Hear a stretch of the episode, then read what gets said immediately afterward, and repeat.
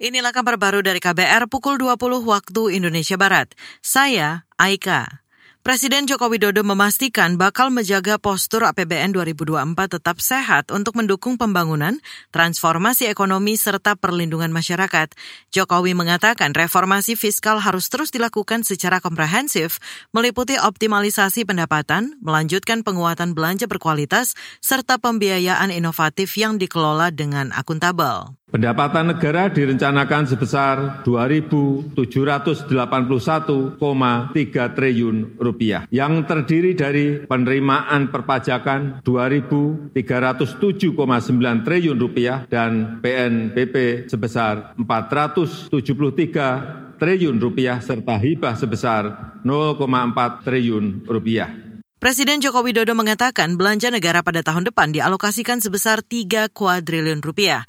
Dari jumlah itu, transfer ke daerah dianggarkan lebih dari 800 triliun rupiah. Kepala negara menargetkan defisit anggaran sebesar lebih 2 persen PDB atau sebesar 500-an triliun rupiah.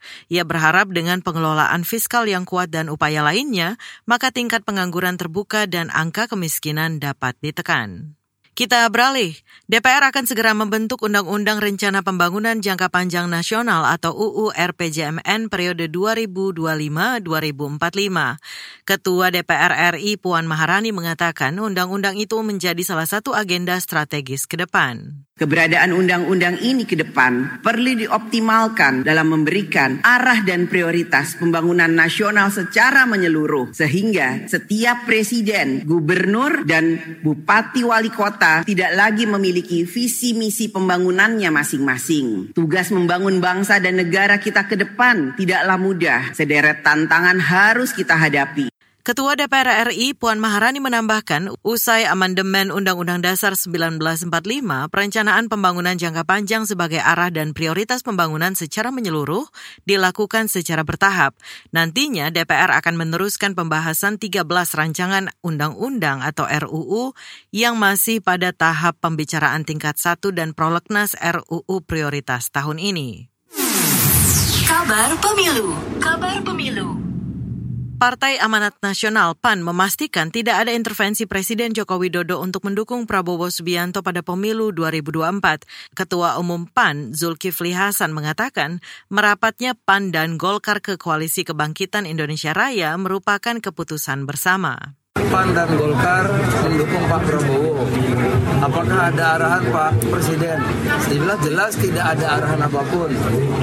Itu berdasarkan pemikiran yang panjang, diskusi panjang, eh, rasional, ya, eh, dan keputusan bersama kami dan diperkirakan yang terbaik dan mudah-mudahan nanti memenangkan Pilpres 2024. Jadi sama sekali tidak ada arahan. Itu tadi Ketua Umum Partai Amanat Nasional PAN Zulkifli Hasan.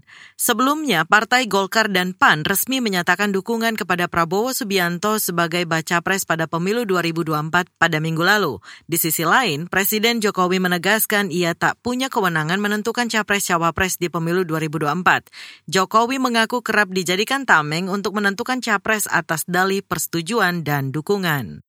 Inilah kabar baru dari KBR pukul 20 waktu Indonesia Barat. Saya Aika.